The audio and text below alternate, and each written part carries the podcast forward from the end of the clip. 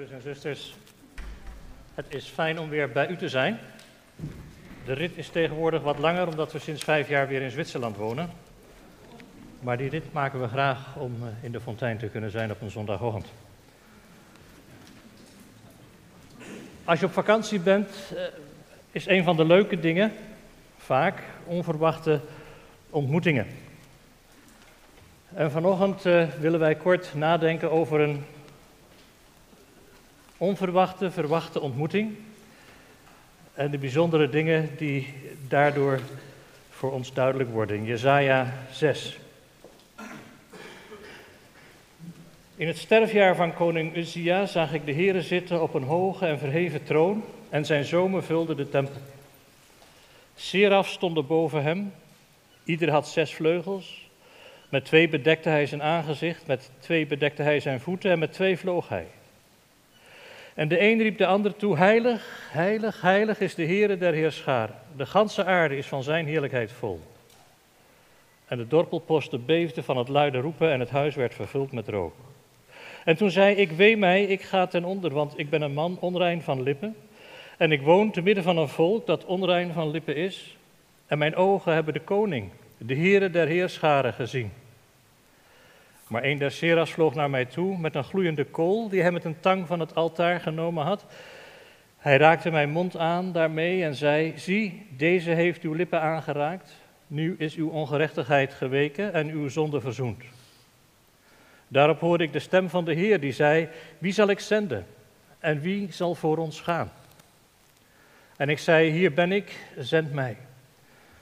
Toen zei hij: Ga, zeg tot dit volk hoort al door, maar verstaat niet. En ziet al door, maar merkt niet op. Maak het hart van, zijn, van dit volk vet, maak zijn oren doof en doe zijn ogen dichtkleven. Opdat het met zijn ogen niet zien en met zijn oren niet horen en opdat zijn hart niet versta, zodat het zich niet bekeren en genezen worden. Toen vroeg ik, hoe lang, heren? Hij antwoordde, totdat de steden verwoest zijn, zodat er geen inwoner meer is, en de huizen, zodat er geen mens meer in is, en het bouwland verwoest is tot een wildernis en de Heere de mensen ver verwijderd heeft en het verlaten gebied in het land groot is. Is daarin nog een tiende deel, dan zal dit weer verwoest worden. Maar evenals van een terebint en een eik na het vellen een tronk overblijft, zo zal zijn tronk een heilig zaad zijn. Nou, dat is, uh, dat is niet zo'n frisse zomertekst hè, op een uh, warme augustusochtend. En toch is dit uh, een tekst die je leven kan veranderen als je met een open hart daarnaar luistert. Jesaja werkt ongeveer 60 jaar, profeteert. En dit is het moment waarop hij echt begrijpt wat het gaat betekenen. Hij is al een aantal hoofdstukken onderweg. En in die hoofdstukken heeft hij al de nodige boodschappen moeten doorgeven. Eh, eh, hoofdstuk 1, eh, vers 4 bijvoorbeeld, daar zegt hij, uh, wee het zondige volk, de natie beladen met ongerechtigheid, het gebroed van boosdoeners enzovoort. In vers 24, daarom luidt het woord van de Heere, de Heere der Heerscharen, de machtige Israëls, weeën, ik zal wraak oefenen aan mijn tegenstanders en ik wil mij wreken op mijn vijand. Hoofdstuk 3, vers 9. Hun partijdigheid getuigt tegen hen en hun zonde verkondigen zij onverholen, evenals Sodom. Wee hun, want zij berokkenen zichzelf onder. En zo heeft hij een heleboel moeilijke, harde woorden moeten doorgeven in opdracht van de Heer. Net als het opvoeden van kinderen. Het is veel inspannender om kinderen op te voeden dan om ze gewoon een zin te geven. Als je ze steeds een zin geeft, wordt het daarna heel erg inspannend. De boodschap die Jezaja doorgeeft is niet makkelijk. En hij doet dat in trouw. Maar dan in hoofdstuk 6 ontmoet hij God op een hele nieuwe manier. Het is een eh, spannend moment in de geschiedenis van Israël. Uzia, koning in het Noordrijk, in het Zuidrijk, de koning van, van Juda, in het Noordrijk van Israël, was toen Jerobeam II. Het was een tijd van grote bloei.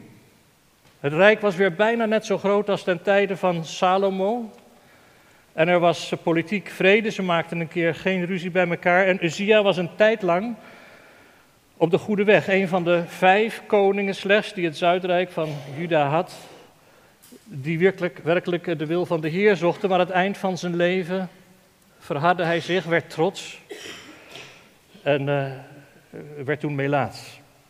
Maar in ieder geval, het was een bijzondere tijd waarin alles goed leek te gaan. En in deze tijd moet Jezaja het volk wijzen op wat er in het hart niet klopt. En dat bij de uiterlijke religieuze en politieke en economische schijn, die voortdurend als zegen van de Almachtige geïnterpreteerd wordt, in werkelijkheid een roep naar huis is. Romeinen 2, weet je niet dat Gods goedheid je tot omkeer wil brengen? Men nam dat alles als bevestiging van we kunnen doen wat we willen, want God is aan onze kant. En Jezaja moet roepen, wee, wee, wee. Het volk wordt vergeleken met een ziek lichaam, met een dier dat niet luistert en met een, met een eh, wijngaard die teleurstelt. En hier ontmoet nu Jezaja opnieuw de heerlijkheid van God. En dan gebeurt het volgende. Toen zei ik, wee mij. Ik ga ten onder, want ik ben een man onrein van lippen en ik woon te midden van een volk dat onrein van lippen is. En mijn ogen hebben de koning, de Heere der Heerscharen gezien. Maar een van de serafs vloog naar mij toe met een gloeiende kool die hij mij ten tang van het altaar genomen had. Hij raakte mijn mond daarmee aan en zei: Zie, deze heeft uw lippen aangeraakt. Nu is uw ongerechtigheid geweken en uw zonde verzoend. Dat is interessant.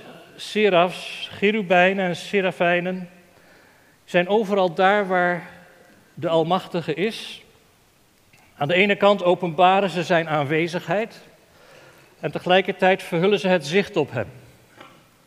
Want niemand kan God zien en leven. En Jezaja snapt, ik pas niet bij deze God. En die serafijn, die als levensroeping heeft om God ononderbroken te aanbidden en te prijzen, heilig, heilig, heilig, is de Heere, de God der Heerscharen.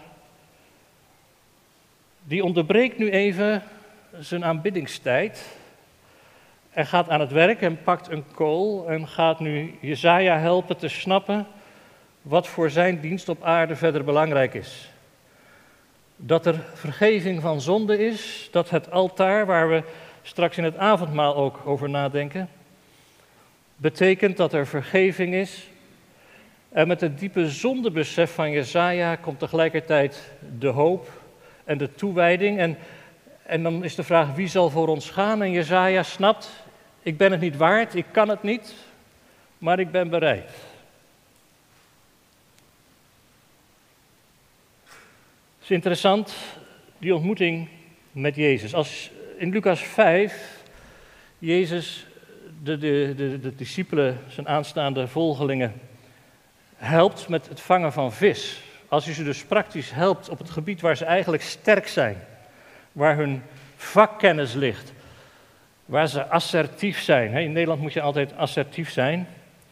Dat is heel lastig voor niet-Nederlanders vaak. Daar ontmoeten ze hun grenzen en ze ontdekken dat ze niet alles beheersen. En Jezus helpt ze een heleboel vis te vangen en plotseling checkt Petrus met zijn grote mond. Altijd haantje de voorste, maar met een hart van goud. Hij merkt, hier is de zoon van God.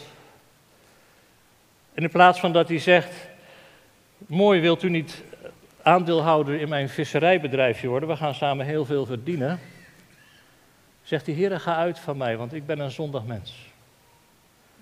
In het licht van de aanwezigheid van God en de goedheid van God en in de ontmoeting met Hem die leven geeft en die zijn leven gaat geven om leven mogelijk te maken, ondanks de zonde.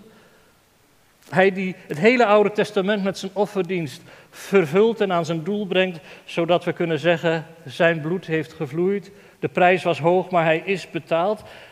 Hij geeft leven. En dan voelt uh, Petrus de dood in zijn eigen hart, zijn egoïsme. En hij zegt, ga uit van mij, want ik ben een zondig mens. Bij Nehemia. Op een gegeven moment wordt de wet voorgelezen. En het wordt duidelijk dat het volk zich er op geen enkele manier aan gehouden heeft. En er breekt een groot geween los. God heeft een wonder gedaan in 52 dagen, die grote muur om de stad gebouwd, zodat het heiligdom dat Ezra had hersteld beschermd zou zijn. God heeft het volk ongelooflijk gezegend en ze doen precies waar ze zin in hebben. Net als Farao, als even de druk nalaat. Ik weet niet of u dat kent in uw hart. U bent hier ongetwijfeld veel vromer dan ik, maar ik ken dat. Als de druk even nalaat, ga ik weer fouten maken. Luister ik weer naar mezelf in plaats van naar God? Vertrouw ik op mijn eigen slimheid in plaats van op de raad van wijze mensen? En vooral op de stem van God. En dan leest, eh, leest, lezen ze de wet voor en het volk checkt. We hebben gezondigd. We kunnen niet meer met deze God leven, want hij moet ons verwerpen. En dan wenen zij en dan wordt het volgende gezegd. Vrees niet. Wees niet treurig. Weent niet. Want de vreugde van de Heer, die is jouw sterkte. Op het moment dat ik in schuldbeleidenis voor God ben en in de ontmoeting met God merk, ik pas niet bij God, al ken ik de Bijbel op mijn duimpje. In mijn hart is alles op mijn eigen eer gericht. Mijn aanbidding is aanbidding van mijn aanbidding. Mijn aanbidding is het kikken op Jezus in plaats van het buigen voor de Almachtige. Op het moment dat ik ween voor Gods aangezicht, is de boodschap: je hoeft niet te wenen. Nu ben je op de plek waar je niks meer in de hand hebt. En nu ben je op de plek waar ik met jou verder kan gaan. Broeders, het is geweldig als God ons af en toe een beetje door een innerlijk bankroet stuurt en wij denken dat wij nu echt aan het einde zijn, want dan is God weer op een plek waar wij niet meer zoveel in de weg lopen. En nu krijgt Jezaja een, uh, een job description mee. En de hemelse marketing laat naar Nederlandse maatstaven behoorlijk te wensen over. 60 jaar hard werken en er gaat niks lukken. Ik zei, Heer, hier ben ik, zend mij. Toen zei hij, ga, zeg tot dit volk.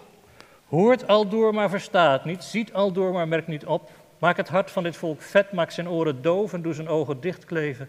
Opdat het met zijn ogen niet zie en met zijn oren niet horen en opdat zijn hart niet verstaat zodat het zich niet bekeren en genezen worden. Ik weet niet wie van u zou solliciteren op zo'n job description.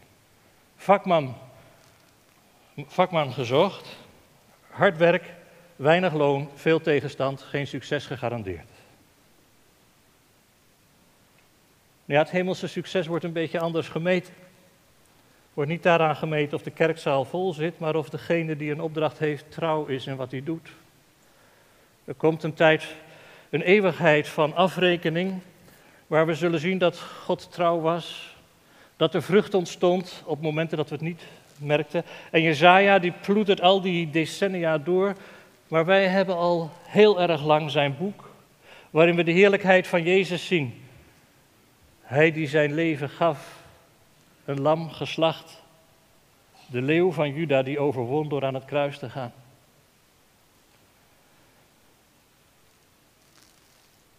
Er was een, uh, iemand met een uh, kliniek waar die, uh, een maternité, waar, waar voor, voor, geboorte. Ignatius Philipp van Zemmelweis. Midden vorige eeuw, was hij een van de eerste die ontdekte waarom zoveel vrouwen stierven in het kraambed. En wel omdat er gewoon geen hygiëne was. De artsen hadden een vaste routine. S ochtends werden lijken uit elkaar gehaald. En met ongewassen handen ging men dan door naar de geboortezaal. En hij was degene die ontdekte dat zoveel levens gered zouden kunnen worden. als mensen alleen maar bereid zouden zijn hun handen te wassen tussendoor. En hij werd uitgelachen. Hij in zijn eigen kliniek, toen hij begon hygiënische maatregelen te treffen, zakte eh, de, het percentage van sterfgevallen in het kraambed gigantisch. Maar zijn vakcollega's en ook als hij publiceerde lachten hem uit. Niemand luisterde naar hem. En uiteindelijk stierf hij met 47 jaar in een psychiatrische kliniek, volledig doorgedraaid. Omdat hij de waarheid kende en niemand luisterde. Vrienden, dat is de opdracht die Jezaja krijgt. Wij kennen dit gedeelte en we denken, Jezaja is een grote man. Wie kan dat? Nee, Jezaja is een mens als u en ik. Elia was een mens zoals u en ik, zegt Jacobus, en hij bad en God verhoorde zijn gebed. Jezaja is een man als u en ik en hij krijgt een opdracht en hij voert hem uit. En dat betekent dat hij het niet meemaakt dat zijn dienst ook maar iets oplevert. Degene die de Bijbel naar Korea wilde brengen, werd al neergeschoten voordat hij de oever bereikte. Anderhalve eeuw geleden. Maar hij had een aantal Chinese Bijbels bij zich. En iemand die aan de kust eh, of bij de rivier woonde, daar uh, vond die Bijbels en plakte, dat was de gewoonte. Merkwaardig genoeg dat men bladzijden aan de buitenkant van het huis deed, als een soort behang. En op een gegeven moment kwam hij terug van zijn werk en toen stond er een aantal geleerden die Chinees konden zijn huis te lezen. En een van die geleerden ontmoette in de kracht van die woorden die hij las, de Heer Jezus. En 25 jaar later heeft het neefje van deze man de Bijbel in het Koreaans vertaald. De man die het werk deed, heeft nooit enige vrucht gezien. Maar zijn werk was niet vruchteloos. Ook als het vervolg van het verhaal anders was geweest en er echt niets te meten zou zijn geweest, ook honderd jaar later niet, was hij toch trouw en was het voor de eeuwigheid in het koninkrijk van God net zo waardevol. Want vrienden, wat we leren bij Jezaja hier is dat we niet onze dienst, onze bediening en de waarde van ons leven meten aan ons succes, maar aan onze trouw. En ik vrees dat ik daar zak met een geweldige onvoldoende. Maar ik wil dat leren. En dat moet ons niet verontrusten en niet bang maken dat het dus alleen maar lastig is om Jezus na te volgen. Nee, omgekeerd. Dat betekent dat jouw leven, hoe klein je jezelf ook vindt, hoeveel mensen ook negatief hebben gezegd over jou. Misschien hebben je ouders je gezegd, jij, jij wordt nooit wat. Misschien denk je ten diepste, zoals velen van ons, van jezelf. Als iedereen eens wist wat er echt in mijn hart en mijn hersens zit of ontbreekt. Jezus heeft jou gekozen. Jezus wil jou gebruiken. Johannes zegt van Jezaja dat hij de heerlijkheid van Jezus zag. En zoals jij bent, met niets in de hand, ben je voor God bruikbaar en is morgen de stoffige routine van het volgende wasje draaien, weer in de auto stappen, of misschien als je op vakantie bent, de pret van weer een nacht muggen in de tent. Maar het heeft zin, omdat je van Jezus bent. En waar we nu over moeten schrikken is niet dat ons leven geen betekenis heeft, maar dat we nog zoveel menen in de hand te hebben. Dat we de trucjes kennen hoe we de Heilige Geest aan de gang krijgen. Dat we de trucjes kennen hoe we met elkaar gaan groeien, in plaats van gewoon terug te gaan naar het kruis, waar we zeggen, Heer, dank u dat u me alles uit de hand neemt, ik ben ter beschikking. Stap voor stap, dag voor dag. Af en toe een kool van een altaar halen en iemand helpen dat hij verder gaat.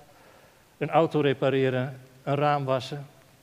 Met Jezus het gewone leven in trouw. Je succes en de betekenis van je leven wordt niet gemeten aan, je, aan de statistieken of wat mensen van je denken, maar of je het met dankzegging uit Jezus' hand neemt. Habakkuk, profeet, vraagt zich af waarom laat God, die toch rein van hart is en rechtvaardig is, toe dat de onrechtvaardigen zoveel succes hebben. En dan heeft hij een, een, een conflict met God. Oh, en bij onze Hemelse Vader is zoveel ruimte voor eerlijk conflict. We moeten veel minder vroom doen, veel minder religieus en veel minder proberen te doen alsof we alles makkelijk vinden. We mogen het hem eerlijk zeggen. En doordat we het zeggen, net als bij Habakkuk, drukken we ook uit dat we hem ten diepste vertrouwen. Ik ken u, vader, maar dit snap ik niet. En de vader zegt: Je zult het ooit snappen. Maar ik heb op Golgotha bewezen dat ik het alleen maar goed bedoel, dat ik leven wil en geen dood. Ik neem je dingen uit de hand zodat je niks over hebt en je leven is zo kostbaar. Vertrouw me maar. Je kunt verder gaan. En Habakkuk zegt dan op een gegeven moment midden in zijn conflict met God, de hele wereld moet zwijgen, de Heer is in zijn heilige tempel. Zefania zegt hetzelfde. Of Psalm 11, wat kan de rechtvaardige doen als de grondvesten kapot gaan, de hele wereld, de hele maatschappij naar de knoppen gaat, wereldleiders uiteindelijk het christen, christendom als cultuurverschijnsel is oké, maar de kerk van Jezus Christus naar de zijland, zijlijn manoeuvreren en willen uitschakelen. We zijn op weg daarheen, veel harder dan we denken. Dan staat er, de Heer is in zijn heilige tempel.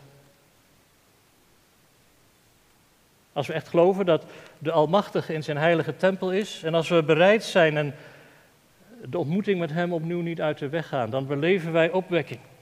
En opwekking is niet dat het dak eraf gaat, maar dat de bodem onder je voeten wegvalt en dat je niets meer anders hebt dan het kruis van Christus, waar je zonden vergeven zijn. En waar Jezus zegt, ik heb alles volbracht. En nu hou je eindelijk op religieus te zijn, nu hou je eindelijk op van je vroomheid en je stille tijd te leven. Ja, ja, veel meer stille tijd, dat is belangrijk, maar je leeft van het feit dat ik leef. Ik heb alles volbracht.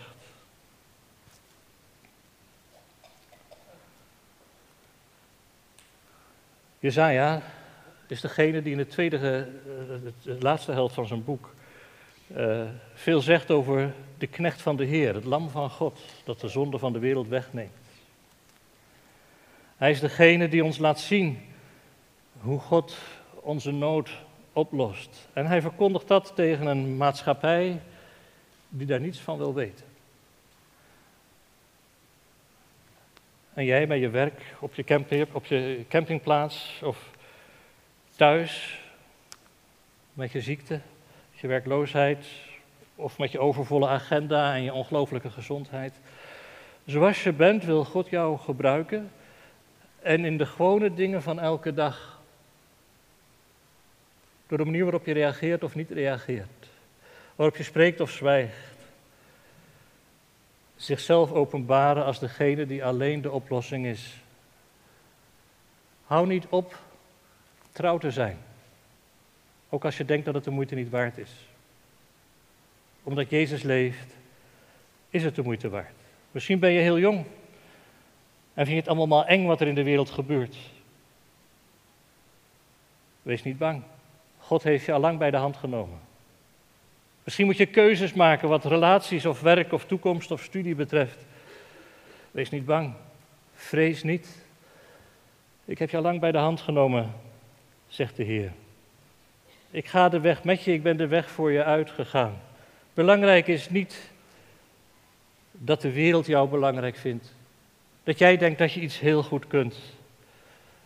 Ik heb het kostbaarste wat er is, mijn leven, geofferd voor jou. Zo kostbaar ben jij. Zoveel ben je waard. En deze onverwachte ontmoeting met de heiligheid van God midden in de vakantie wil ons vrijmaken van dat wat ons naar beneden trekt van dat wat ons naar het plafond wil trekken. Jezus alleen als we in de storm op het meer zitten, Jezus alleen als we op de bergtop zitten en het geweldig is, aan zijn hand. Morgen, overmorgen, de komende week. Ben ik al een keer echt heel grondig geschrokken over wat echt in mijn hart is? Durf ik het aan in de spiegel te kijken en vast te stellen, God heeft echt niets waaraan hij welgevallen zou kunnen vinden, behalve dat hij het zegt en zijn betrouwbaar woord zegt, ik heb je gemaakt, ik heb je geroepen. Dat volk Israël, dat voortdurend de boodschap van Jazaja afwijst. Zegt, ik zag je trappelen in het bloed van je geboorte en ik zei, leef. En hoe zou ik mijn volk kunnen verlaten, ook als een moeder haar kind zou kunnen verlaten? Ik zal jullie niet verlaten. God komt aan ons doel, aan zijn doel, met ons. Ook hier in Emmeloord, of waar u vandaan komt. Niet omdat wij goed zijn, maar omdat we mogen leren in de kleine dingen. Door zijn genade trouw te zijn. We willen opnieuw met elkaar opnieuw beslissen trouw te zijn aan onze opdracht en niet aan ons succes. Succes gegarandeerd. Amen.